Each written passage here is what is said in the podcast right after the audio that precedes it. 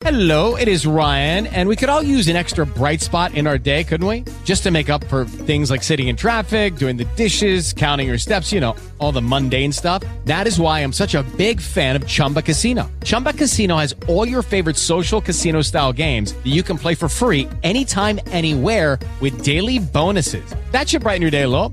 Actually, a lot. So sign up now at chumbacasino.com. That's chumbacasino.com. No purchase necessary. VGW Group. Void were prohibited by law. See terms and conditions. 18 plus.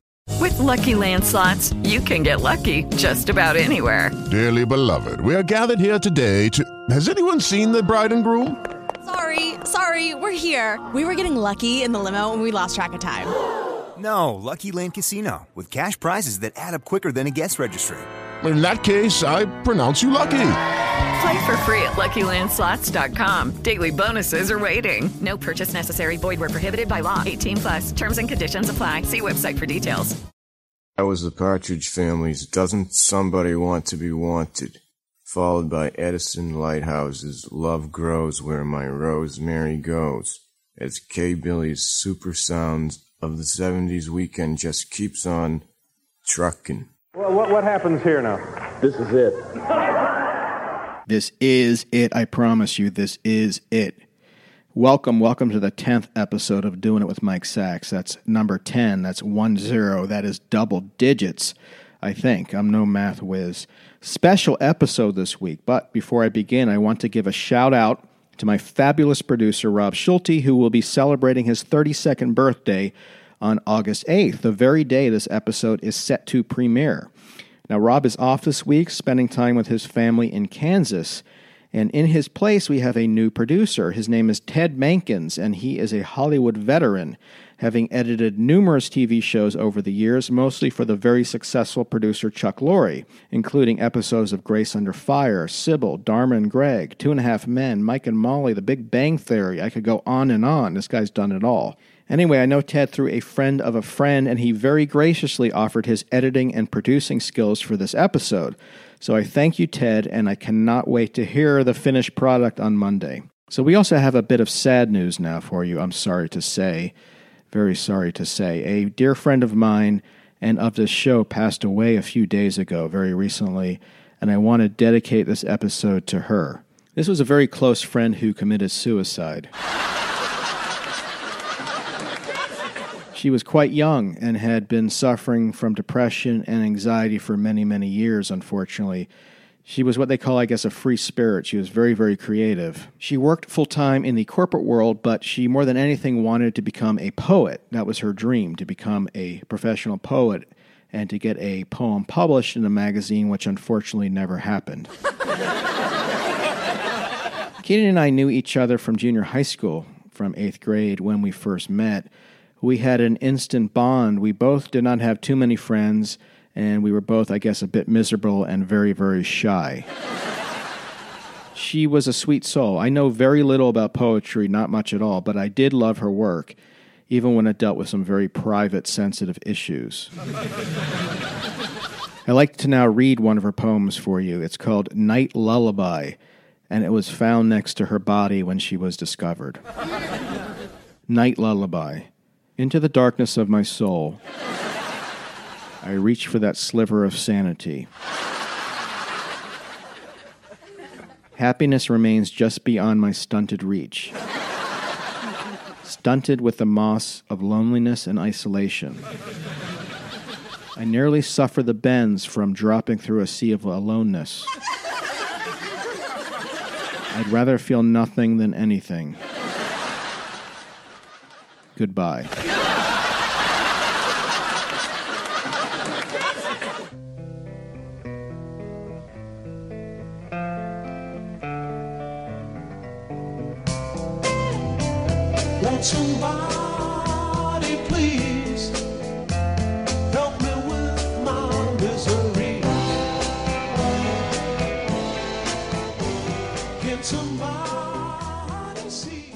Okay, so we have a great show for you this week. Writer director Etan Cohen will be interviewed. But first, for this week's babbling segment, I like to play you some excerpts from one of my favorite personalities of the 1970s, Paul Lynde.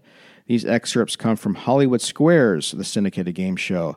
in which Paul would play the center square and Crack Wise. Now, by being the center square, he was the celebrity chosen the most, and for good reason. So, for this week's babbling segment, Paul Lynde. Go get him, Paul.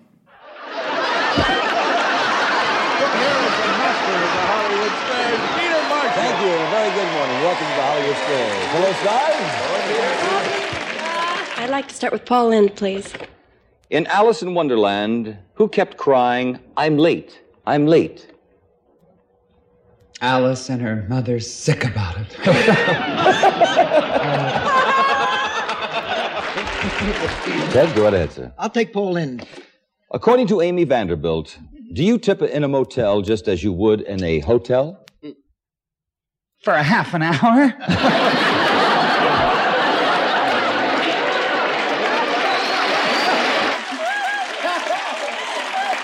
Okay, Paul Lynde, please. Paul, this is for $1,200 in the championship. Dale Evans, Dale Evans, recently revealed the three secrets behind her happy marriage with Roy Rogers. Listen carefully. We work together, we pray together, and we're darn good. What? In the saddle.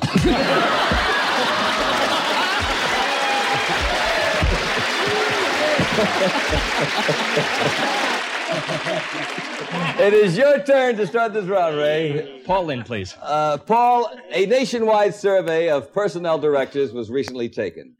And they were asked if they would hire a girl who showed up for an interview in a see through blouse. What did most of them say? Bring her in.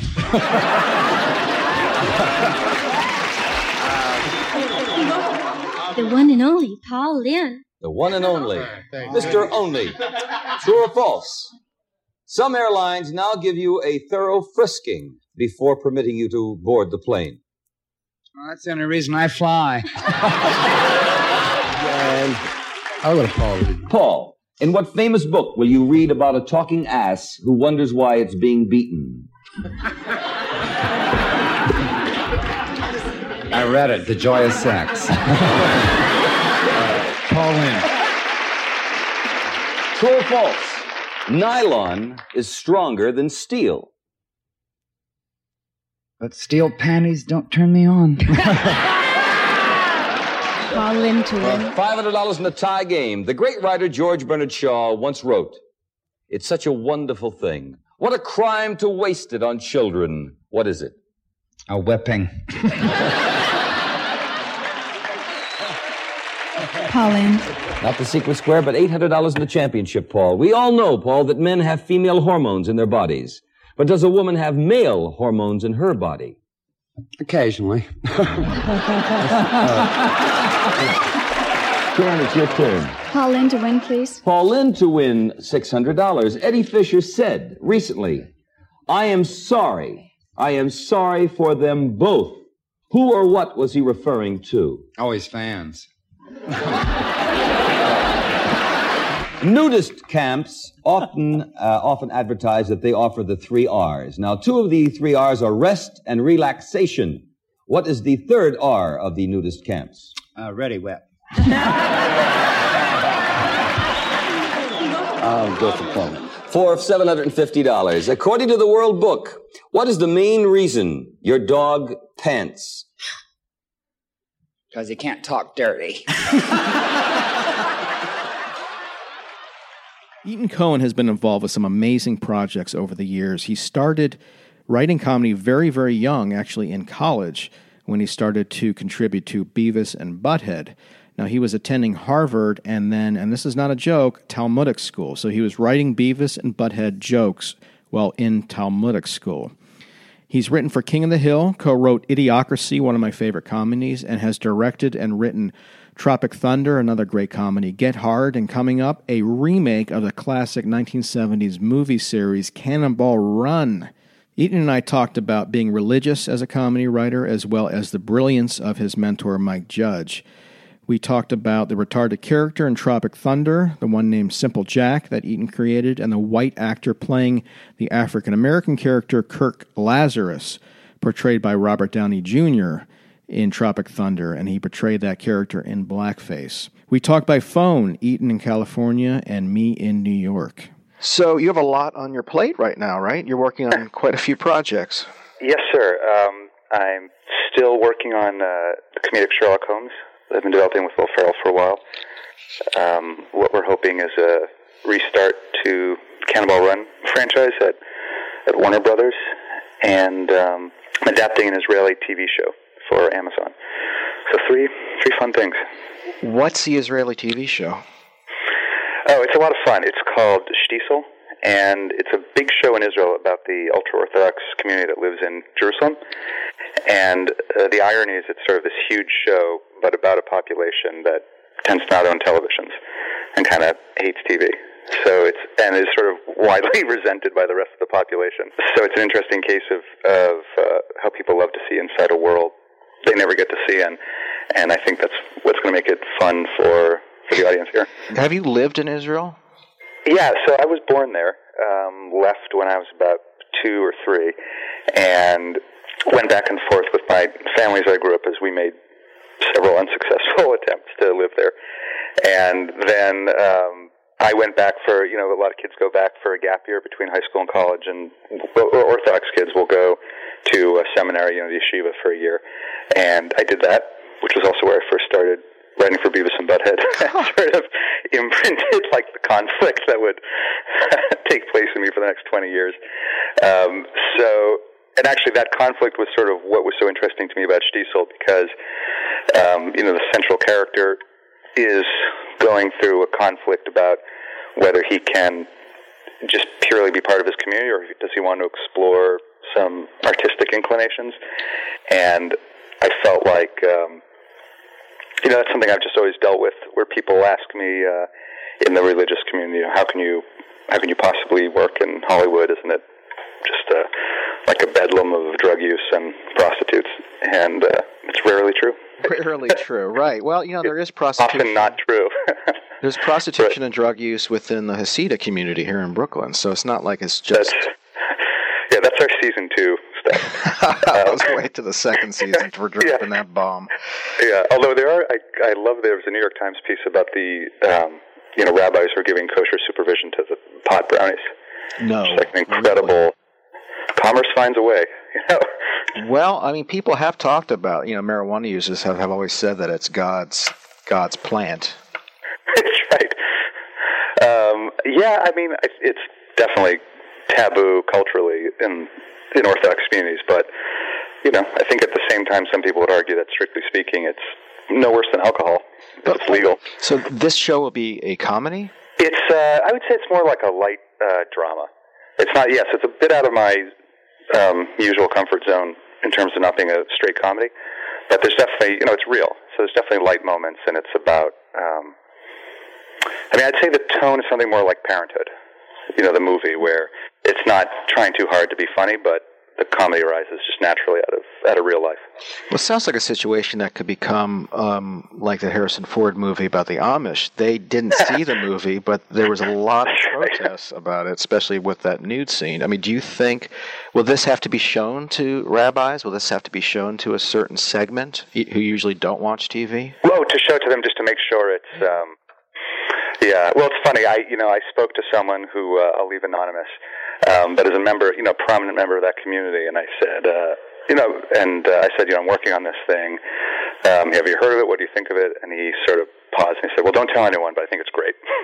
so I think secretly uh, people are watching it and, and liking it, and I don't think, you know, like of for creative freedom, you wouldn't want to show it to. You really wouldn't, you know, want to be beholden to anyone. So I think our our commitment is going to be just to the truth. And I spoke to um, Gideon Raff, who's the Israeli creator of what became Homeland, and he just said, you know, everyone's going to say whatever you do is anti-Semitic. So you just have to be, you know, as faithful as you can to reality, and then they can't, you know, they can't argue with you. How did you get involved with Mike? Mike Judge is one of my favorite um, comedy writers. I think he is absolutely brilliant. So he's a disgustingly gifted guy. Smart as hell. Yeah, you know, an engineer, a mathematician, he's a professional bassist. He can draw, he can do the voices, he can act, like he can kind of do it all. And just I think, you know, and the like the fulcrum of it is just he's just one of the best observers of humanity. ever. Amazing. I think yeah. he reminds me of Albert Brooks in the way that he writes jokes about character and people. which is really hard to do. Um, and I always, even even as ba- far back as Beavis and Butthead, which I think is genius, uh, he was doing it right off the bat. You know, it didn't seem like he had to wend his way in at all and, and grow as a comedy writer. Just bang. It's true, right? Starting with frog baseball, and it's like the jokes to me always just seem like observations. You know, that's not trying too hard. Well, exactly. It was the comedy does. characters being funny and not Mike Judge. Yeah, I mean, I remember, you know, so that was my first job writing for Beavis and Butthead. But then, by the way, that's sort of the long way of how I got involved with him. But you know, I was writing for it starting when I was 19, and I never felt like I was writing jokes. I mean, I was a college student, so it just felt more like channeling your id, um, which is, I think, much more like what he does. He just ch- he channels the world. So I was at the Lampoon and didn't know him or anything. I got this kind of slave labor internship at MTV. Um, probably illegally writing jokes for free for one of their shows. And uh, while I was there, so you know, a guy showed up, and um, in retrospect, I think he was just trying to hit on the female interns and talking about sort of showing off about he, how he wrote for Beavis and he could you know get anyone entree. And no one else believed him, but I did. um, because I was naive enough. You know, it's like a great value to be Sure. like super naive at that age because you'll actually try to do things that you can't. Um, so I just took his word for it, and I called up. I just called up, you know, the offices and um, told the head writer, like, I've got ideas for you. You know, and he he said, okay. I sent over like 200. He wrote me back. These are terrible. Um, and I sort of kept coming at him until finally he sort of felt sorry for me and was like, okay, we'll buy this one idea. We'll give you a hundred bucks. We'll let one of our writers write it. And uh, then I think he felt bad for me. He was like, okay, you can write it on spec, and if we like it, we'll buy it. And so I did that from yeshiva. Um, in a flat on the West Bank, you know, sort of scurrying off to write during breakfast. Uh, and I faxed it in from my, in the days of fax, from my grandparents' house in Jerusalem. And that became my college job. And so I did that throughout school, and the show kind of ended around the same time I graduated. And then came out to LA to see if this could turn into an actual job, and then uh, reconnected with him on King of the Hill a couple years later. Love that show. Oh yeah, it's the best. And um, in, so in, in in writing for that, he you know he was thinking about idiocracy, and he kind of said like, well, I remember you wrote some of the sort of some of the most the filthiest Beavis and Buttheads, and sort of the most controversial, a couple of the controversial ones. And so he said, you know, you want to come do this with me? So that was just you know, it was such a great opportunity because it was the first movie script I ever wrote, and I got to do it with Mike as, you know, my mentor. What were some of the um, episodes he was referring to, the Beavis and Butthead, that were that were filthy and were controversial?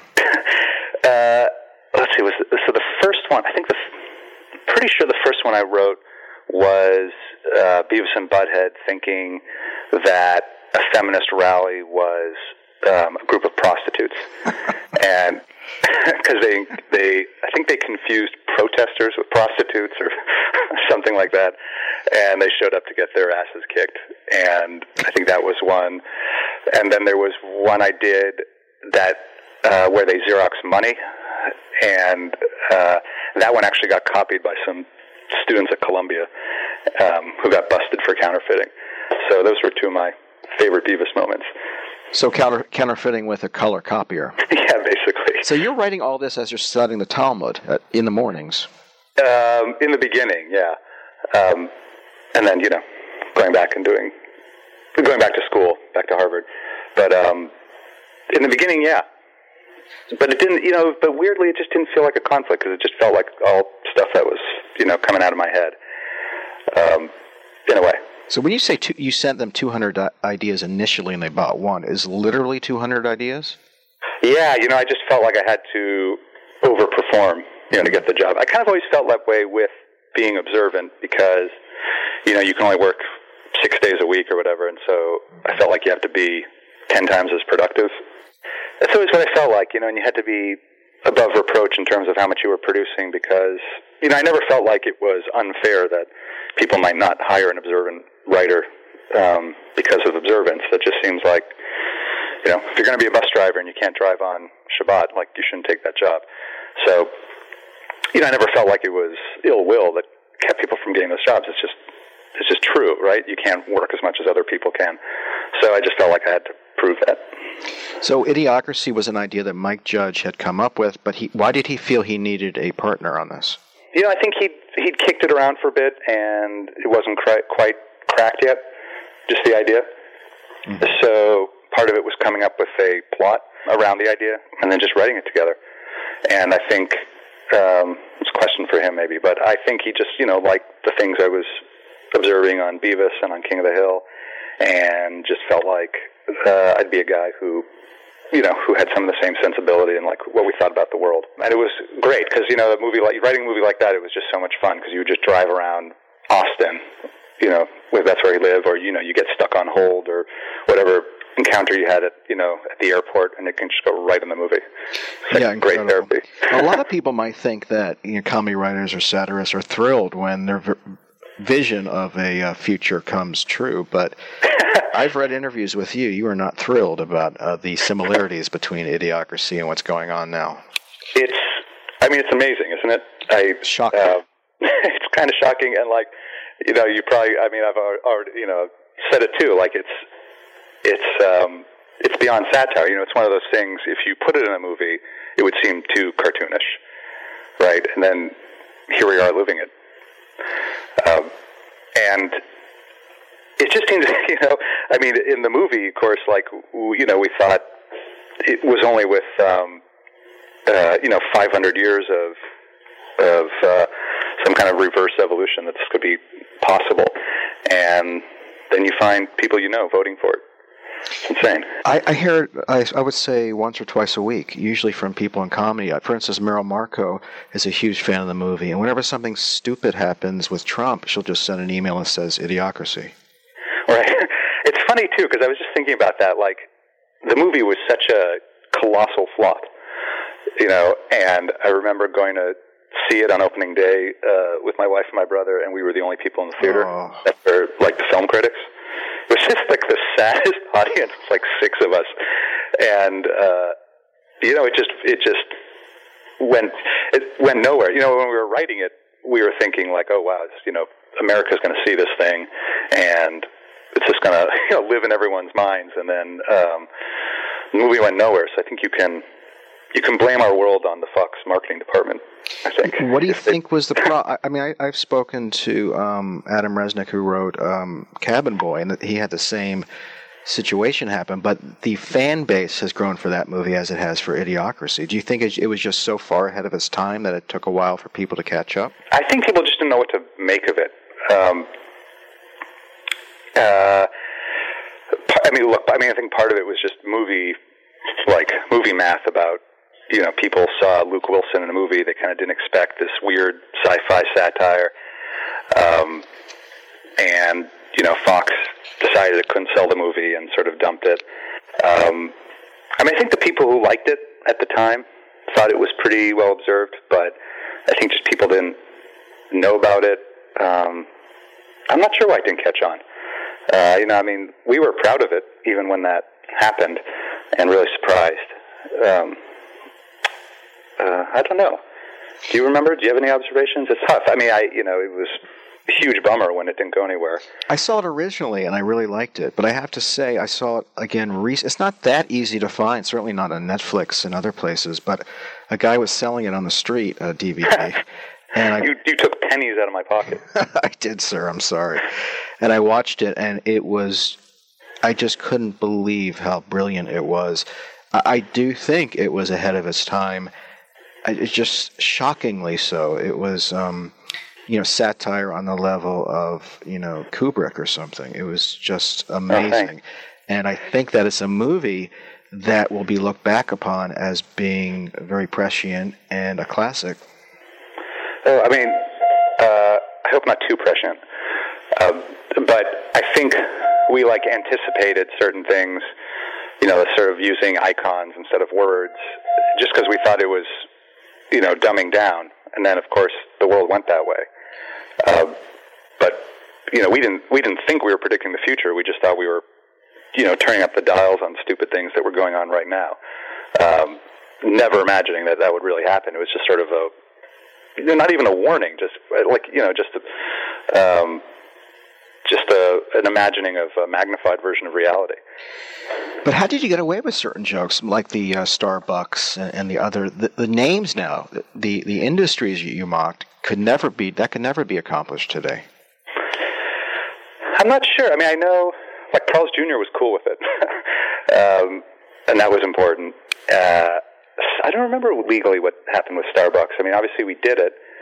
Uh, I wonder if it was just fair use because of parody. Uh, Is I'm not it sure how though that to say down. Starbucks was selling blowjobs? I mean, is that fair use? A, it was hand jobs. I'm sorry, they weren't. I think, what- I think what they said was no, no blowjobs. That's too far. We would never do that. okay. Um, hand job, though. You wrote about the one of your proudest moments still is the Ow My Balls. Why is that? Um, you know, uh, so I, I just think it's um, it's like a, it's part of it is a moment of humility for any writer.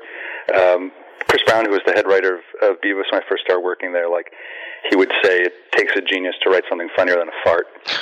And I I think there's like uh, at a certain point, I, I love Down My Balls because it was both just, I mean, I'll, I'm still going to laugh every time someone gets hit in the balls. Um, at the same time, it was like a, you know, slightly, you know, middle to highbrow critique of comedy. But at the same time, you're just laughing at the guy getting hit in the balls. So to me, that's sort of like my ideal form of joke is when you can feel like, um, you know, you're both laughing just on a gut level, and then oh, you might be saying something too. And it's hard to find those moments. Right, where you're literally laughing at someone getting hit in the balls, but it says Right. something about It's class. the absolute lowest, most basic form of, of comedy, uh, married to saying something about the state of the world. Yeah, it's amazing uh, how it can it can handle so many different on so many different levels. It's like a Trojan horse that is farting as it goes. Makes all these points. I, yeah, it was it was that's sort of like how I felt about um, you know Robert Downey Jr.'s character in Tropic Thunder was like a similar kind of ideal form of joke where it was doing and Simple Jack too. You know, where it was it was saying those things at the same time. You could be laughing at something just really you know at a gut level. What, what fascinated me about that movie was the controversy about that character, but that's exactly what you were satirizing. A white guy playing uh, an African American character was the point of the comedy. Yeah, exactly. It's funny. I mean, I don't remember. Maybe I'm. Maybe I'm just uh, doing revisionist history. I don't remember the the controversy that was really huge was the Simple Jack stuff. Is what I remember. Um, you know, we had tons. We you know we got flack from Special Olympics, and you know, people showed up with you know uh, kids and stuff. Um, to, you know, to march at the premiere, ruining the premiere. Yeah, thank you very much, kids. um, that's the one that felt like that was the um, seemed like the biggest criticism and the toughest for me to take because for exactly for the reasons you're talking about, where you know the intention was to ridicule people who would be tasteless enough to use that for personal gain, right? Um, and so I, it's something you know, like what hurts is when you feel like the people who should be on your side are the ones um, who are turning you into the bad guy. Right, like you would ever want to upset children who have mental deficiencies. But what you did, that's a real pet peeve of mine in Hollywood, not only with the mentally challenged, um, but with homeless people. You know, the homeless guy who's uh, more innately wise than those who going to Harvard, you know, who, who live around them. Yeah. Is- and was- A, Harvard is a very special school. Especially able for special. That's very problematic. I know. Yeah, there's all those types, right? That's like everyone always talks about the, you know, the magical Negro or whatever, and yet it's this weird left-handed condescending compliment somehow, um, uh, as opposed to like some kind of true elevation. Uh, and I felt that way a bit with uh, Get Hard, with how the, that movie came out, um, because we always, you know, Will and McKay and I always felt like, um, you know, we're going after some stereotypes and how people observe racism. And at that early, at that first premiere in South by Southwest, what never got, you know, sort of written about was there was a, a woman from the UN who actually came up after the premiere to me and it's like, oh, we, you know, we'd really like to use this as a way to talk about race with kids. Um, and then the way the movie got written about um, was generally that it was racist. A- And I felt like that, you know, that people confuse sometimes satire with what you're satirizing Absolutely. and they get afraid to say um, they get afraid to laugh at it because they think that makes them racist. Um, whereas generally, you know, that was um, guilty white people making that critique. That seems to be the case. I mean, t- to do anything now, um, comedically, it seems like it's going to be a certain type who are going to come after you before another type. You know, defending the others is, is, seems to be a big thing now.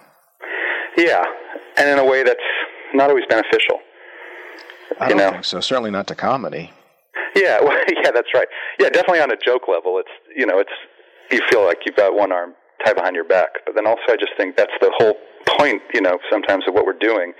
You know, if you can't take on a subject that's tough to talk about, you know, you know, sometimes what's the point? Well, you know, going back to Simple Jack, I, think this was you who said this, and please correct me if I'm wrong. You said that your grandfather was raised by an adoptive father who was mentally challenged.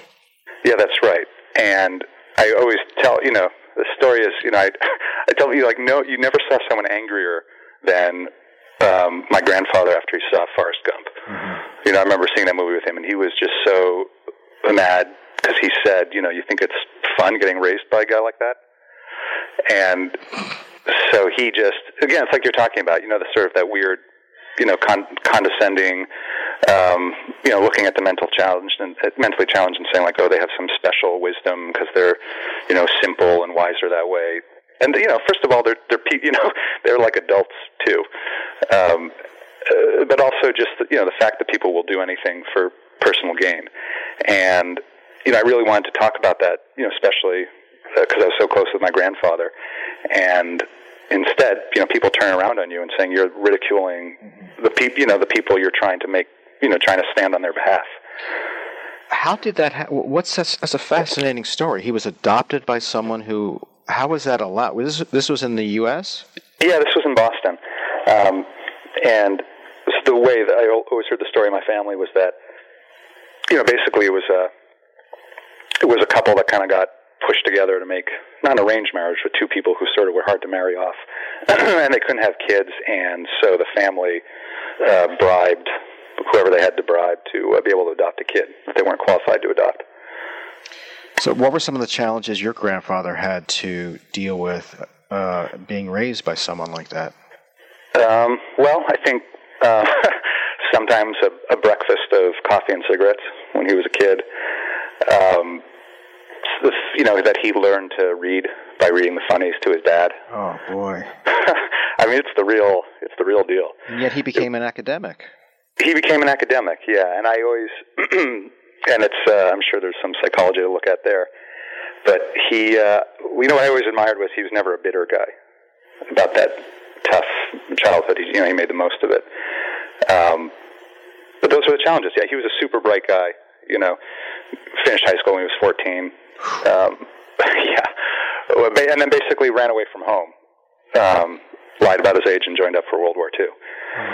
So he, you know, he definitely had to escape. But um, story.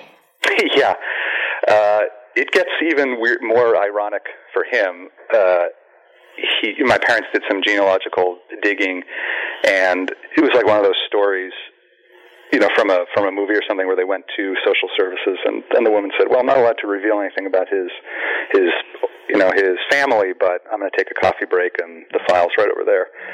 And they had always had some, you know, there was like it was the my grandfather was was abandoned as a baby, and, so, and the story was in the news in Boston, and there was talk of you know the mom was wealthy and she paid for all this stuff in cash and, and everything, and when my parents did their digging, it was um, uh, I won't get into it too much, but he was actually from a very wealthy family in Canada, like a very famous wealthy family, who had basically I think our theory was that they came down to get rid of some you know some product of a scandal, dumped the baby here, and took off. So he went from it was this you know it's this uh, Prince and the Pauper kind of story where instead of growing up in this very privileged family, he was in this like incredibly difficult situation. He's he's being raised by Simple Jack. Yeah, exactly. And clear-eyed about how tough it was. You know, had the right to be mad about it. Have you, is he still alive? No, he passed away a bunch of years ago. Have you thought about writing about this? This is fascinating. I have. He's he has an incredible story, and then he went off to World War II and had all kinds of crazy adventures. And I always think it would be a great story someday. There was a um, Mr. Show sketch like this that was making fun of daytime movies, movie of the week, where David had a uh, mentally challenged parent who would make, who Bob, who would make him dice sandwiches. Do you remember that sketch? no. Dice and sponge sandwiches. Yep, that's about right. Let's You talk know? about the, the more, more recent projects. So, Cannonball Run is a movie, uh, two movies that fascinate me. Th- th- This was a Hollywood. You know, it's actually even three. Really? Um, there was a third one called that they had they changed the name to Speed Zone because it was so terrible they disassociated it from the Cannonball brand. What, now that's saying so. Was Jamie Farr in this one? Uh, was he still in that one? This was more of like a second city. It was like Eugene Levy and John Candy. Oh, so like more of it's it's a wide, wide or a big, big, big world or whatever those. Oh, Mad, Mad, Mad, Mad, World. yeah. Um, but with you know, but with only three people.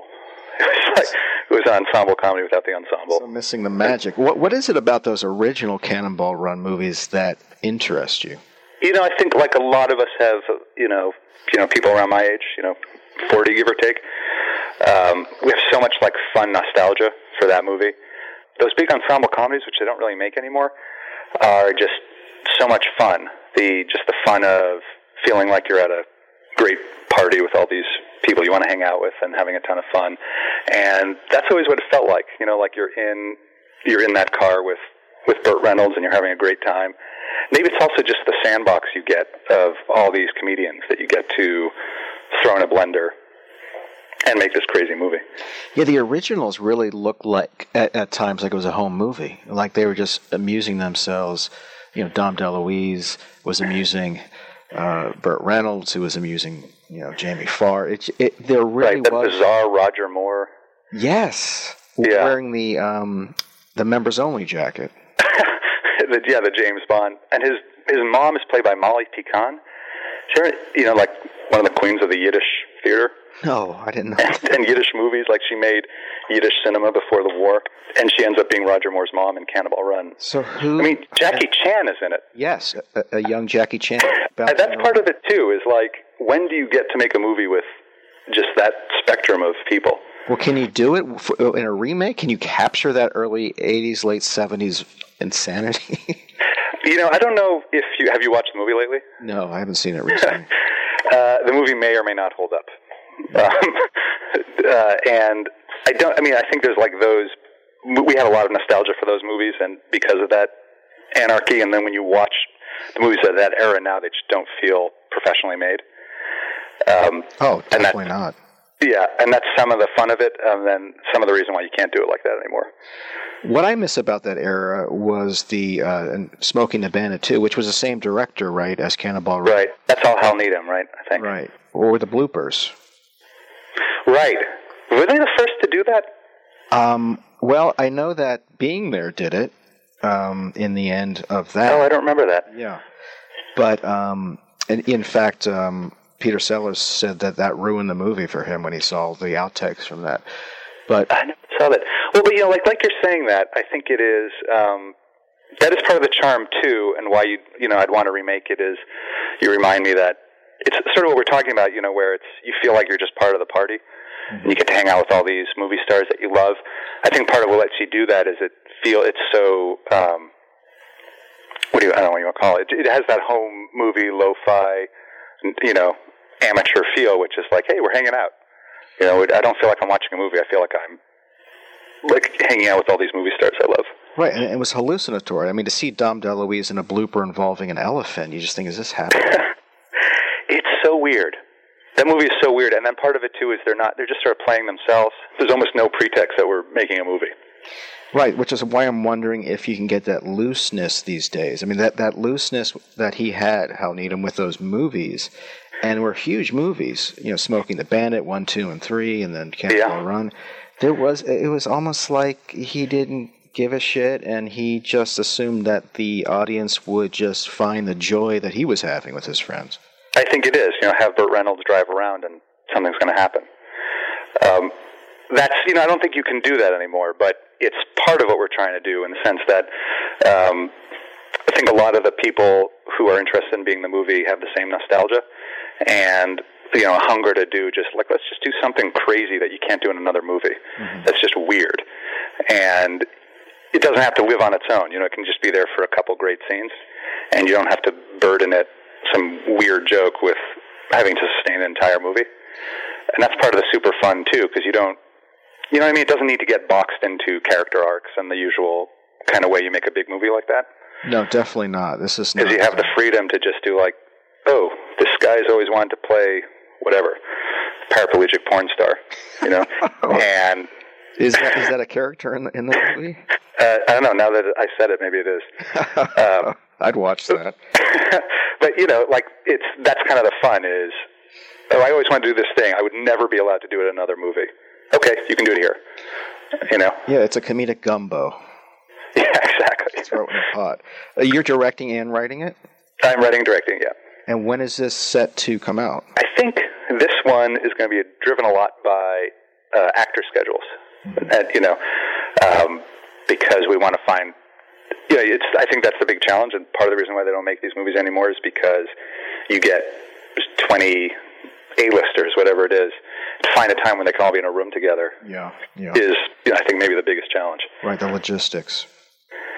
So everything is schedule driven, right? I mean, Yeah. the way we make movies a lot. Now, how about Mandrake the Magician? Is that still on? Oh yeah.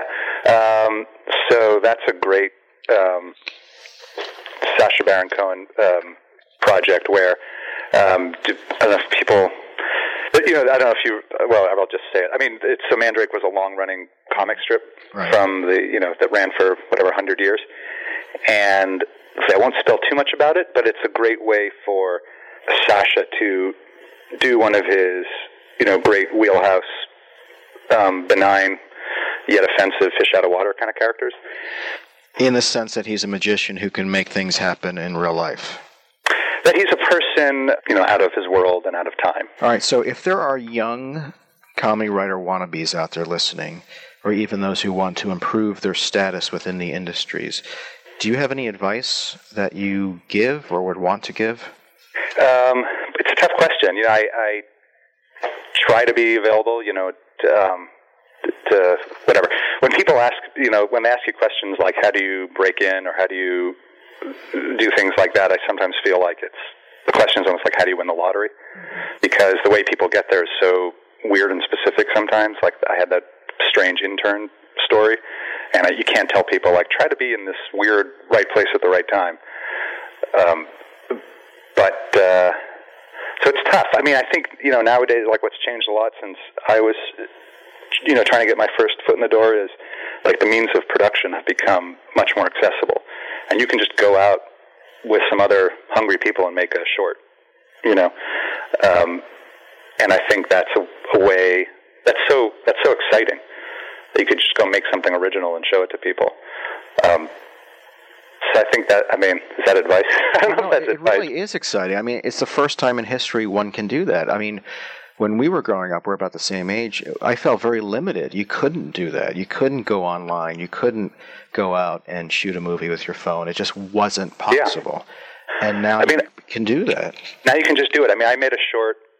Is it almost like ten years ago now? Um, when I wanted to try to break into directing, and you know, it was a full crew. You know, I wanted to do it. I wanted to do it in a way before I had a studio job where, if it went badly, it was just my own money, and no one would hate me for it.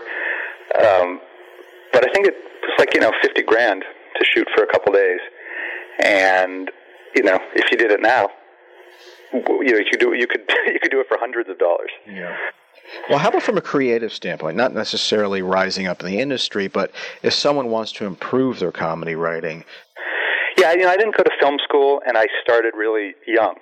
Um, so I kind of learned on the job.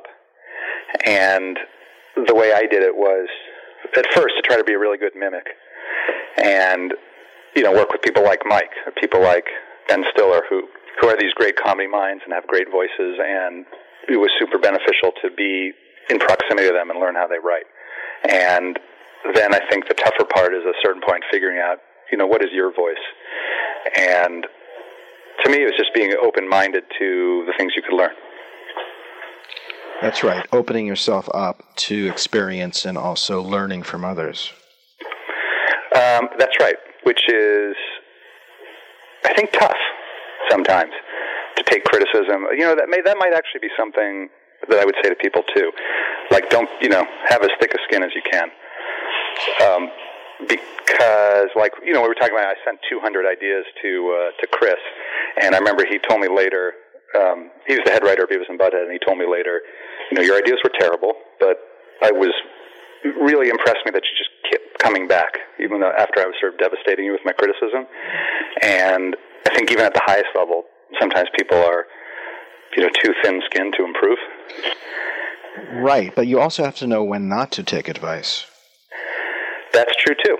Um, and you know, when my when we were talking about sort of being conflicted about you know religion versus you know creativity versus comedy, one of the earliest, most terrible pieces of advice I ever got was I was talking to someone about this conflict, and they said, "Yeah, just drop it. Don't do it. You don't need it." And I had to go think. This is someone I really admired. I had to go think long and hard about. You take that advice? Do you, or do you just go with your gut? And it's some weird, mysterious combination that you. I think everyone has to figure out their own ratio. Absolutely, you have to teach yourself, and that's really no writing teacher can do that for you. Right. You know, try to learn from the best, but then at a certain scary point, you have to transition. And and that's part of I think directing. You know, part of the scary thing as you um, as you get different opportunities is um, what is that? You know, when you become the person who um, who you know for whom the buck stops. Uh, you know, that's a big responsibility to decide what gets in the movie and who you are. Absolutely. Great advice. You know, I wanted to interview you for my, I don't know, I wrote a book of interviews with comedy writers called Poking a Dead Frog. And for some reason, I couldn't get to you. I don't know what the problem was. I wish I had. This is absolutely fascinating. I really appreciate your time. I'm a huge fan of your writing, and um, it sounds like you have a lot of exciting things coming up. I'm really happy for you. Oh, thanks a lot.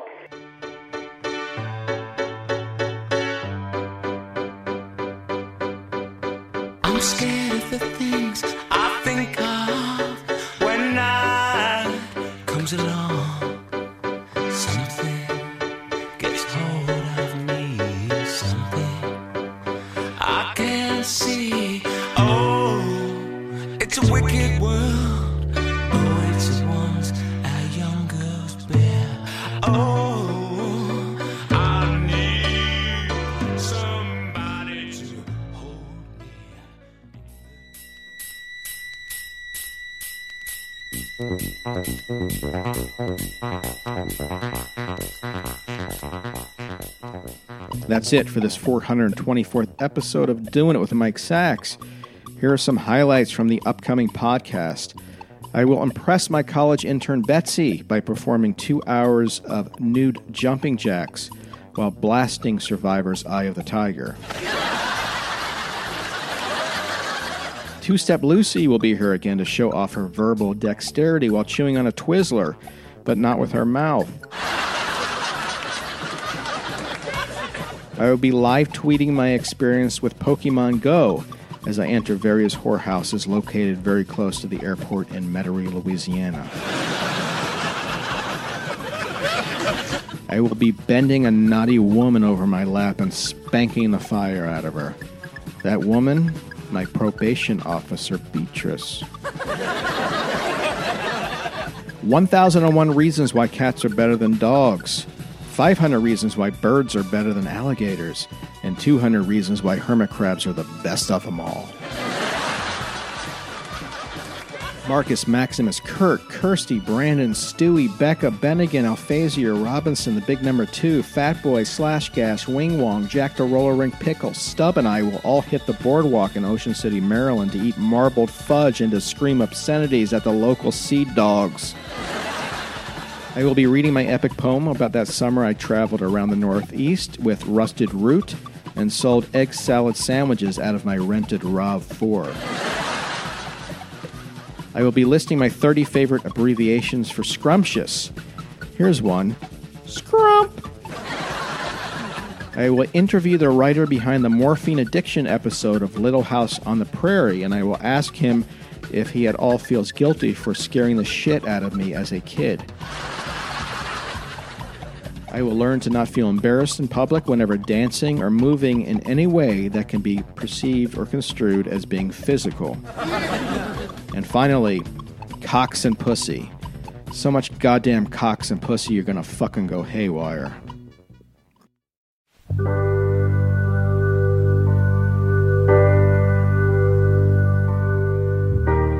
I appreciate you joining us. I look forward to seeing you next week, especially you, that shy one in the back, drawing band logos on his notebook.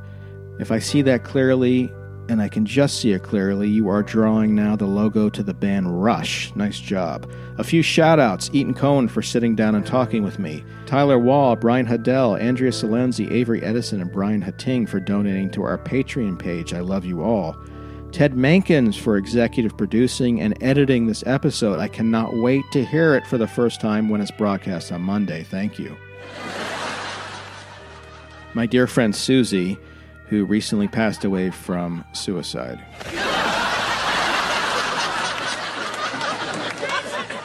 Rob Schulte for co producing, editing, wrangling everything. You can reach Rob at Rob K. Schulte, S C H U L T E dot com. His podcast, GFY with Max and Rob. You can reach me at MikeSacks.com or at doingitwithmikesacks.com. So listen, you know what to do until next week, don't you? Do I have to tell you again? Okay, I will. Keep your feet on the ground and keep doing it.